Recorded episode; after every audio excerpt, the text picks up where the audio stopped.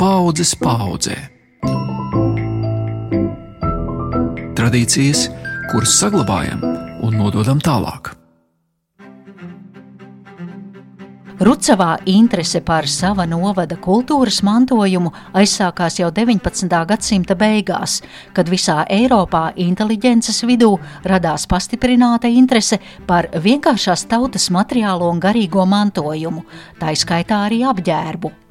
Zināmu pozitīvo stimulu šai interesei Latvijā deva arī 1873. gadā rīkotie pirmie vispārējie latviešu dziesmu svētki, saistībā ar kuriem liela uzmanība tika pievērsta tautas tērpa izpētei, un iekļaujoties šai kustībā uz trešajiem dziesmu svētkiem 1888. gadā Rucavas koristes bija ieradušās tērptas mantotos apģērbos, par ko saņēma saņēma lielu atzinību.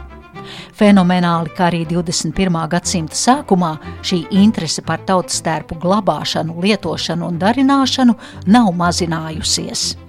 Daudzās Rucavas mājās un vietējā rakstura etnogrāfisko materiālu kolekcijās rūpīgi tiek glabāts iepriekšējo pauģu atstātais kultūra vēsturiskais mantojums. Tā grāmatā Rucaunieku apģērbs cauri laikiem 19. gadsimts, 20. gadsimta sākums raksta tās autore, etnogrāfe un vēsturniece Aija Jansone. Kā cauri laikiem rucaunieces ir saglabājušas šo dzinuli, darināt un lolot minēto mantojumu, to uzzināsim sarunā ar Rucavas rokdarbniecēm un Kurzemes tautas stērpa informācijas centra vadītāju bet visu pirms īsais kurs dažu dienvidkurzemes tērpu noteikšanā. Un mūsu dienvidu kurzemes galā, tur, kur tas vēlams ar sarkano krāsu staigājis, Un tās smukākās meitas vienmēr ir bijušas, un tāpēc mums tās vilēnas valkā uz viena pleca. Ja nu rucānieci vienkārši pavāk zemāk uz elkonu. Tādā ziņā, nu, redziet, mums tos smukos plecus var redzēt. Mums nav tā kā pārējām Latvijas meitām, visi pleci jānosēdz, un tad ir tik vien tā košuma kā tai villainē. Mums arī krekls ir ko rādīt. Tālāk mums tie smukie pleci ir atsekti. Atgādiniet par to vēlnu un krāsu podu. Kā tur bija? Nīcā tur viņš to pirmo gāzienu izgāza uz tiem brunčiem, tāpēc tur ir sarkana. Jā, nīciniecēm ir pavisam sarkana lindraka. Tā kā vēlns sarkano krāsu jūrmalciemā vārīs, nu šīs jūrmalciems ir vistuvāk nīcē. Nu, tad tur šīs pirmās aizlekušas. Ja, Nu, un tad par to arī šīm ticis visa krāsa, visi brunčīgi sarkanas krāsas. Nu, ka bārtiniece klausās pār bārta upi, ka tā nīciniece jau tur tā sajūsmā spiedz kādam, ko šis sarkani brunči, ko šis sarkani brunči, nu tā ārskrēja pakaļ. Nu, cik nu vairs palicis, tā vēl to sarkano plauktu, kad brunčā apakš novilcis. Nu, ja tad bārtiniecēm šo baldienu ir meli brunča ar sarkanu sprīdi platu uh, mālu joslu. Un tad jau rucauniecis klausās, teic, ah, tā viena, viena bezprātīgi jau noskrējusi, nu, lai jau tā otra ir tiek, nu, es viņu ar skatīju, kas tur ir. Nu, tā vēlam, cik nu palicis viņš šeit paņēmis, ap pirkstu izvilcis gar savu sarkano krāsas grāpju dubenu un novilcis pirksta tiesu gar bruņšu apakšu. Nu, tad rucāniecēm ir tā sarkanā strīpa gar bruņķa apakšu. Bet tā rucāniece bija tā šmukākā un taktiski nogaidījis to beidzamo brīdi, kad iet, nu, kā jau tas bezprāts aizskrējuši. Nu, un tad vēl tā, tas bija ar tām savām rokām, ko krāsu šķerdot nosamūrījis. Nu, tad ar to viņš ar, no tā laika, tā rucāniece ar tās sarkanās rozes uz pleciem. Tā košāk kā dienvidu kurzemes tērpu raksti valodā stāsta daļamatniece Inga Tapiņa. Dzīmusi augusi Rucavā, nu jau ilgus gadus mīt Rīgā un brīvajā laikā gan auž, gan izšuj, gan āda. Un šī gada pavasarī iznākušajā grāmatā Rucavas cimdu mantojums Inga ir veidojusi pāri par 200 cimdu rakstu zīmējumiem. Īstenas kurzemnieces manierē, pašerpi, sulīgi un ar humoru Inga Tapiņa stāsta par rokdarbu darināšanu un adījumu rakstiem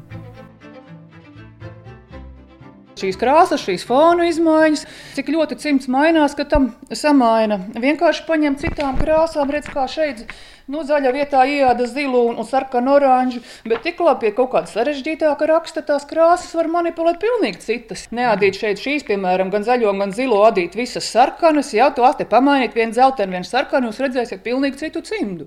Kā tas notiek?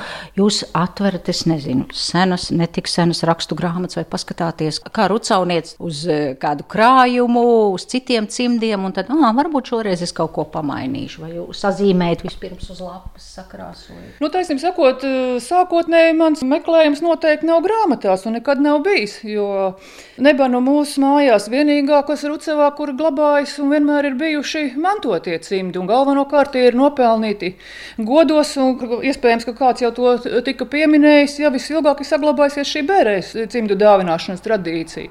Nu, jāsaka, mūsu mājās tādu cimdu ir bijis gana daudz. Un manā izpratnē, nu ne tikai manā, jā, tie vienmēr ir bijuši tie vērtīgākie, tie košākie.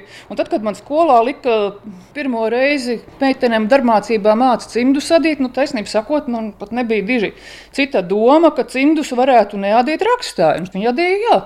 Atceros, kā šodien sarkanu ar baltiem rakstiem. Nu, sanāca tāds, kā sanāca, bet katrā ziņā tā ideja, ka cimds varētu nebūt rakstains, nu, man glābi prātā nenāca. No kurienes ir nu, tā māka un tā interese un patikšana?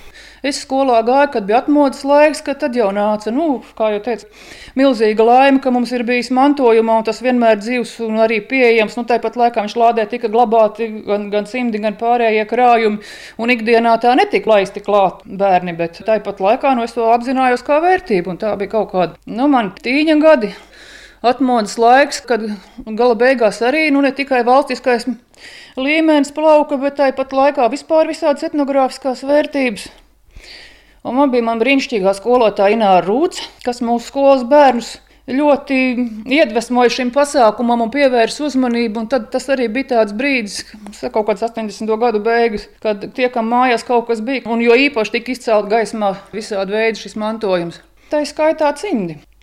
Bet jūs vēl aizvien, es nezinu, cik cimdu pāris jūs esat nodījusi. Simtiem? Nu, simtiem gluži nebūs, bet pussimts varētu būt. Un vēl aizvien jums ir interese un patikšana, kad ir laiks vai iedvesma sēžot un adāt. Jā, sēž un nāda. Nu, redz, ar to cimdu dadīšanu. Nu, par sevi es neteiktu vēl aizvien. Varbūt es teiktu, ka man šobrīd joprojām nu, nav jau tik briesmīgi, sen, ka es viņus būtu sāku, sāku sadīt, un vēl jau, tā, vēl jau līdz pensijām un ar tālu.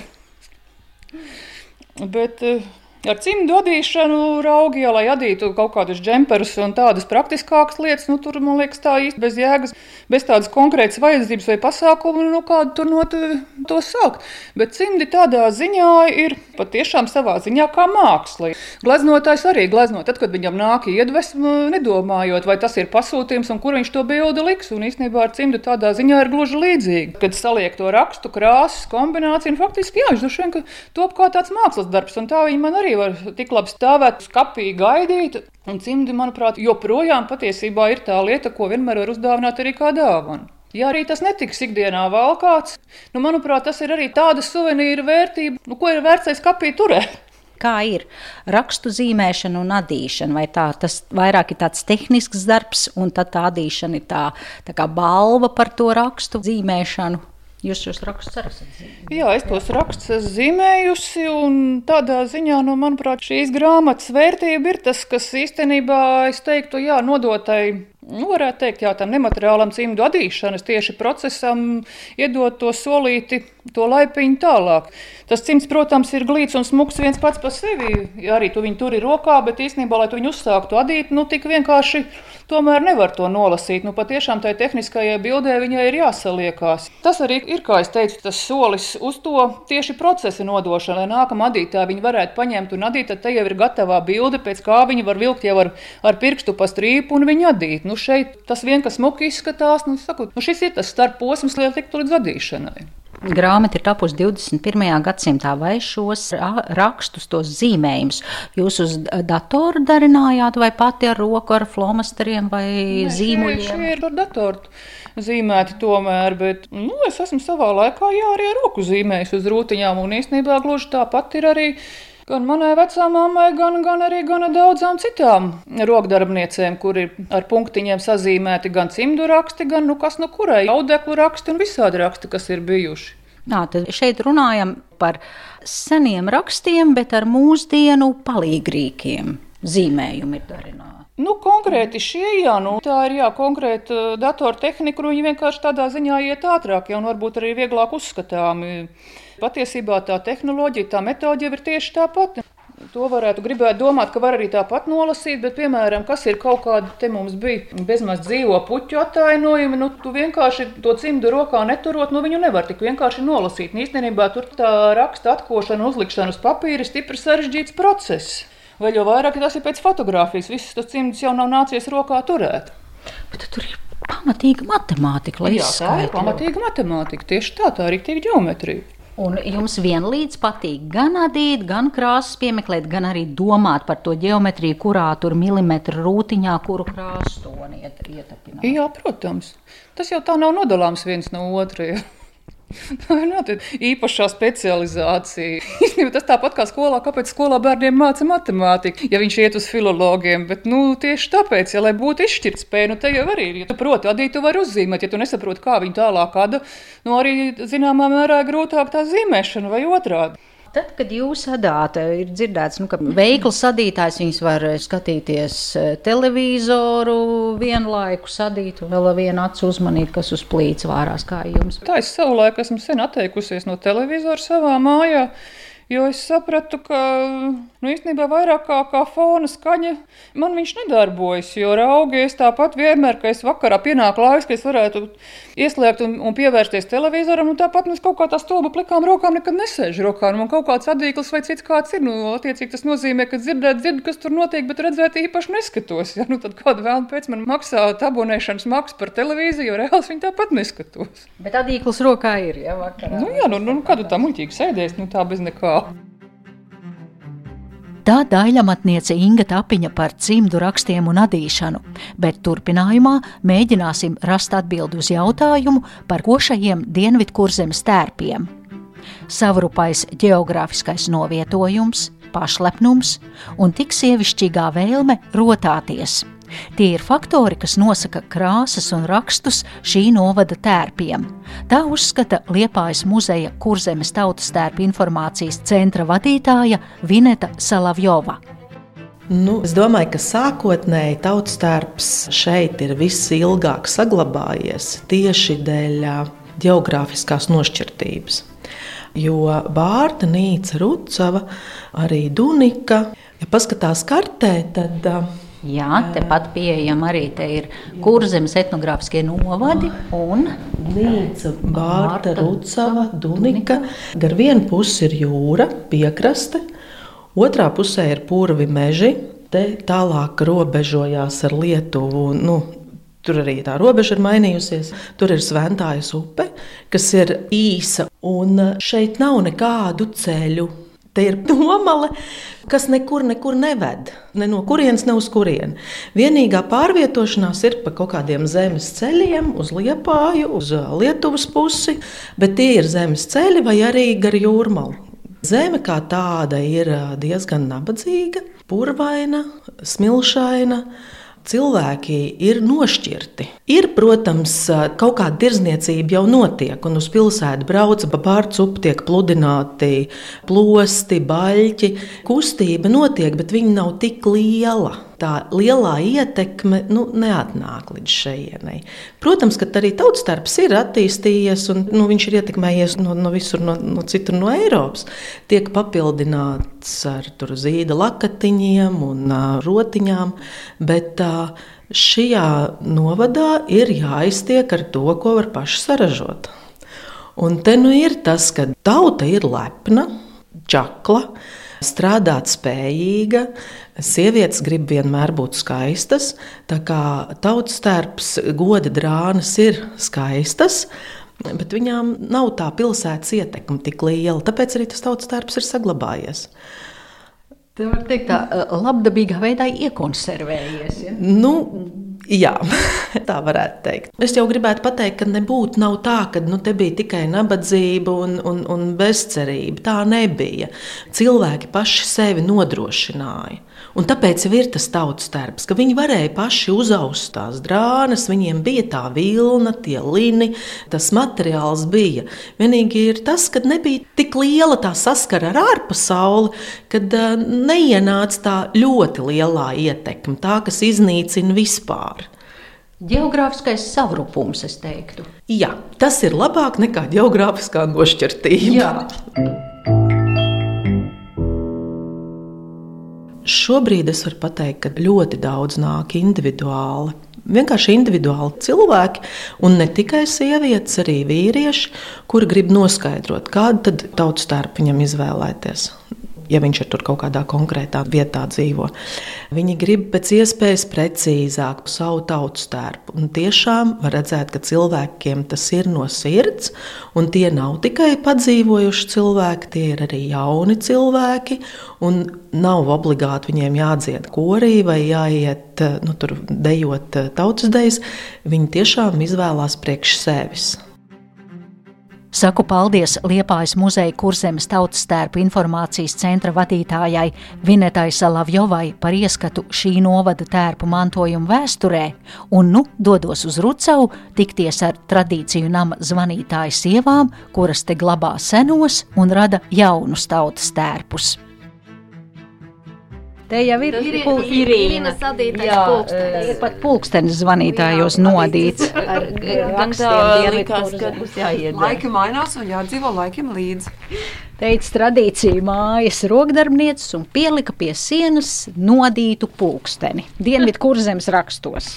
Nē, tas ir rītīga cimdu raksts. Tas ir cimdu raksts. Rucavas. Jā, un no visām rūzītēm, nu, rītīgi pulkām bet bez košās krāsās adītās sienas pulksteņa ciparnīcas, te arī ir izlikti cimdi, zeķes, ņieburi, ko še dēvē par brušlaku, lindruki, gan burdaiņi ar rotātu apakšmalu, gan krjociņi, brunči ar ielocēm, plecu sēgas, snātenes, dižās kuskas un krāsainās mārģines. Vienvārds sakot, apģērba gabali, kurus atbraucējiem ir jāskata ar rucaunieku vārnīcu rokās. Par še redzamo vietējo mantojumu stāsta Rucavas tradīciju kluba zvanītāja vadītāja Sandra Aigare. Nu, tas ir pārsteigums, ka ir šajā e, Rucavā mājās, ja cilvēkiem saglabājušies, un mēs vienkārši palīdzējām to mantojumu nu, pacelt augšā un, un parādīt. Jo tas paradoks jau ir tieši tas, ka mēs zinām, ka Nacionālā vēstures muzejā ir eh, nu, no Rucavas eh, tautas tērpa viena ap 500 vienībām. Ja? Un eh, tad, kad mēs sākām darīt, vienkārši bija iespējas, ka Rucavnieks pats nezina, ka viņam ir tik liela šī bagātība. Un, nu, tas bija tas mūsu uzdevums dažādos projektos. Vienkārši aicināt cilvēkus, nest. Un... Bet es tā iedomājos, nu, lūk, ir izdota grāmata, bet jūs taču te vēl darināt vienu tautas tērpu vai vienu cimdu pāri esat uzadījuši tautas tērpu, darinājuši. Kur ir tas dzinuls, kas liek to darīt vēl un vēl un atkal un atkal? Nu, tāpēc, ka tā rakstu dažādība jau ir ļoti liela. Nu, gribas jau. Jā, gribās jau citu klēju, tā arī gribās citu kraklu. Taču, Tas jau ir jā. mūsu mantojums, un nu, kāpēc nē? Nu, kāpēc mēs nevaram tikai vienu cimdu pārādīt, ja raksti ir tik ļoti daudz? Tā teica divas uzrunātās rokdarbnieces, tradīciju kluba zvanītāja dalībnieces Dace Liparte un Aleksandra Maksākova. Stāstu turpina Sandra Aigare. Manuprāt, eh, Dārts ir tāda īsta mantojuma sargātāja, jo viņa to, ko viņa atdarina, ir tā ir šīs kopijas ja, no šiem ļoti labi saglabātiem cimdiem. Viņa to dara ar tādu prieku, un viņai arī ļoti grūti ir šķirties no tā, ko viņa ir radījusi. Viņa vienkārši atkal jau var teikt, ka viņa ir glabātāja. Ne tikai radītāja, bet glabātāja. Tad mēs runājam par tiem dubulteņiem, kuri šeit zvanītājos nonāca, kur es pieņemu ir ap simt gadu veci, un daci jūs pēc tā paša parauga turpināt tādus pašus sadīt, ja? Tikai ne dubulteņus. Tikai, ne, nu, vai, nu, dūrā, dūrā. Dūrāņus, jā. jā. Ne jau es viena, mēs te vēl esam. no kurienes tas jums nāk? No mammas, mammas, mammas, no kā man? Es arī esmu to domājis, es īsti nezinu, no kurienes tas nāk. Jūs no, esat rucaunieca? Jā, es esmu rucaunieca, dzimusi augusi. Adija ģimenē kā? Jā, vecā mamma Adija. Ah, nu tad jau droši vien nav jā. tālu jāmeklē. Es nezinu, kā, kā Aleksandrai. Arī mamma, vecā mamma. Vecā, vecā mamma, Adija. Daudz kas no tām vecmāmām ir. No tām vecmāmām, jā, vecmāmām, jā. Jo vecmāma jau vadīja mazus bērnus vācā. Jā, mazbērnus vācu un līdz ar to redzēju. Vajadzēja līdz ar kamulstīt un tā. Un vecmāmām pacietība bija arī dīdīt to bērnu, mācīt. Mammas jau gāja darbā. Zilie, zaļie tie jau bija štātes lindruki. Visapkārt bija tresainas lentes, kas lepni bija, tam bija duikārti streses. Godos un baznīcā vilka divus lindrukus. Apakšā vilka tādu vecāku lindruku, augšā jaunāku. Cita muļķa vilka pa trīs, bet kas jau prātīgs cilvēks vairāk nevilka kā divus. Vasaras goda tērpam vilka trešo to lindruku, zilus vai zaļus brūšlakus, kreklu, vai nu pērpečoto vai krūmoto. Saktas sēdza, cik tik tilpa. Ar baudu es izgaršoju vienas rucaunieces stāsta pierakstu minētajā Aijas Jansons grāmatā Rucaunieku apģērbs cauri laikiem. Un lūkojoties uz grāmatā redzamajiem attēliem, kur skatāmas kārtu kārtās apvilktos brunčos un villainēs un čupām saspraustās saktās sapostās rucaunieces, vaicāju zvanītāju sievām, kā savulaik šādos tērpos varēja pakustēt. Tad godos atnāca tā rucaunieca, es tur šitā arī stāvēja. Stāv. Kamēr citi ēda un mielojās pie galda, viņas stāvēja. Un tad, kad bija beidzies pasākums, tas, tad viņas noņēma un apsēdās un paēda. Bet Viņa... galvenais bija izrādīties. Jā, redz, un tā saktas arī, jo bagātāk, jo vairāk čupas ir. Jā, pa čupām sauc, jā, ja, čupu saktas, un tur pilnīgi tādas raksus jā, priekšu. Jā. Un vēl viņi sastiprināja tā, ka dejot skanēja. Tas nav domāts ne pie galda, ne kaut un... kāds traukslis, neko tas ir goda tērps. Viņa ir stāvēja tā. Un vienkārši tipat ir tā, ka viens lindruks virs otram tipiski. Kas bija mājās, visa bagātība, tā tika vilkta. Jo tas ir priekš dižošanās. Vienkārši es izrādu godos savu bagātību, visu, kas man ir. Mani tagad interesē par jūsu sajūtām. Ko jūs labāk darināt, tos tautas tērpus vai valkājat? Un kādas ir sajūtas, kad jūs uzvelkat un cik bieži jūs valkājat? Ja ir pasākumi, mēs noteikti valkājam. Mums ir jāvalkā, nesājam. Bet ir tā iekšķīgā sajūta, ka. Jā, kāpēc nē? Nu, jā, mēs esam piederīgi Rucavai un mēs ģērbjam savu tautas tērpu. Bet ar kādām sajūtām jūs darināt to tautas tērpu? Ar kādām sajūtām? Nu, vienkārši viņš ir jādabū gatavs, lai būtu. lai būtu. Tā bija. Tēvs, tu jā, viņš jau dabū gatavs, viņam jābūt. Jā. Man vajag viņu. Man jau viens ir, bet man vajag pelēko. Apvienība Rucavas sievas bija piecu gadu jubileja, un krakla nebija krūmu. Tērps viss jākrūmoties nebija. Nu, viņš bija jāizšuj tajā krustiņā divās nedēļās, lai iet uz to balli, uz pasākumu. Jā, un, un nu, ne jau katra bija spējīga sev, jā, bet tad atkal ir līdzētājs, ja tāpat kā Aleksandra, man villaina, es tikai vienu strīpiņu izšūju, Aleksandra pabeidz manējo villainu izšūt. Pabeidza. Tad Aleksandra ir izšuvēja. Dats ir adītāja. Aleksandra arī ir adītāja. adītāja. Jūs jā. abas esat gan, gan. Jā, mēs sadām, mēs caurlielini sadām un cimdu sadām. Vilainas izšuvām jakas uzadījām. Jā, mums trūcās jakas katrai. Bet nu, ne jau tikai dziesmu svētkos, jo tā šķiet, nu, man, mā, ja man skapīja tautas nu, tērps, viņa reizi bija piecos gados. Visādi svētki ir. Rucavā ir ļoti daudz visādi pasākumu un svētki. Rīgā ir tikai dziesmu svētki, bet Rucavā mums ir. Tā mēs ģērbjam un pošamies. Tā mutīgās rokdarbnieces Dace Lipārte un Aleksandra Maksākova un tradīciju kopas zvanītāja vadītāja Sandra Aigare mani apgaismo par šīs puses etnogrāfisko mantojumu.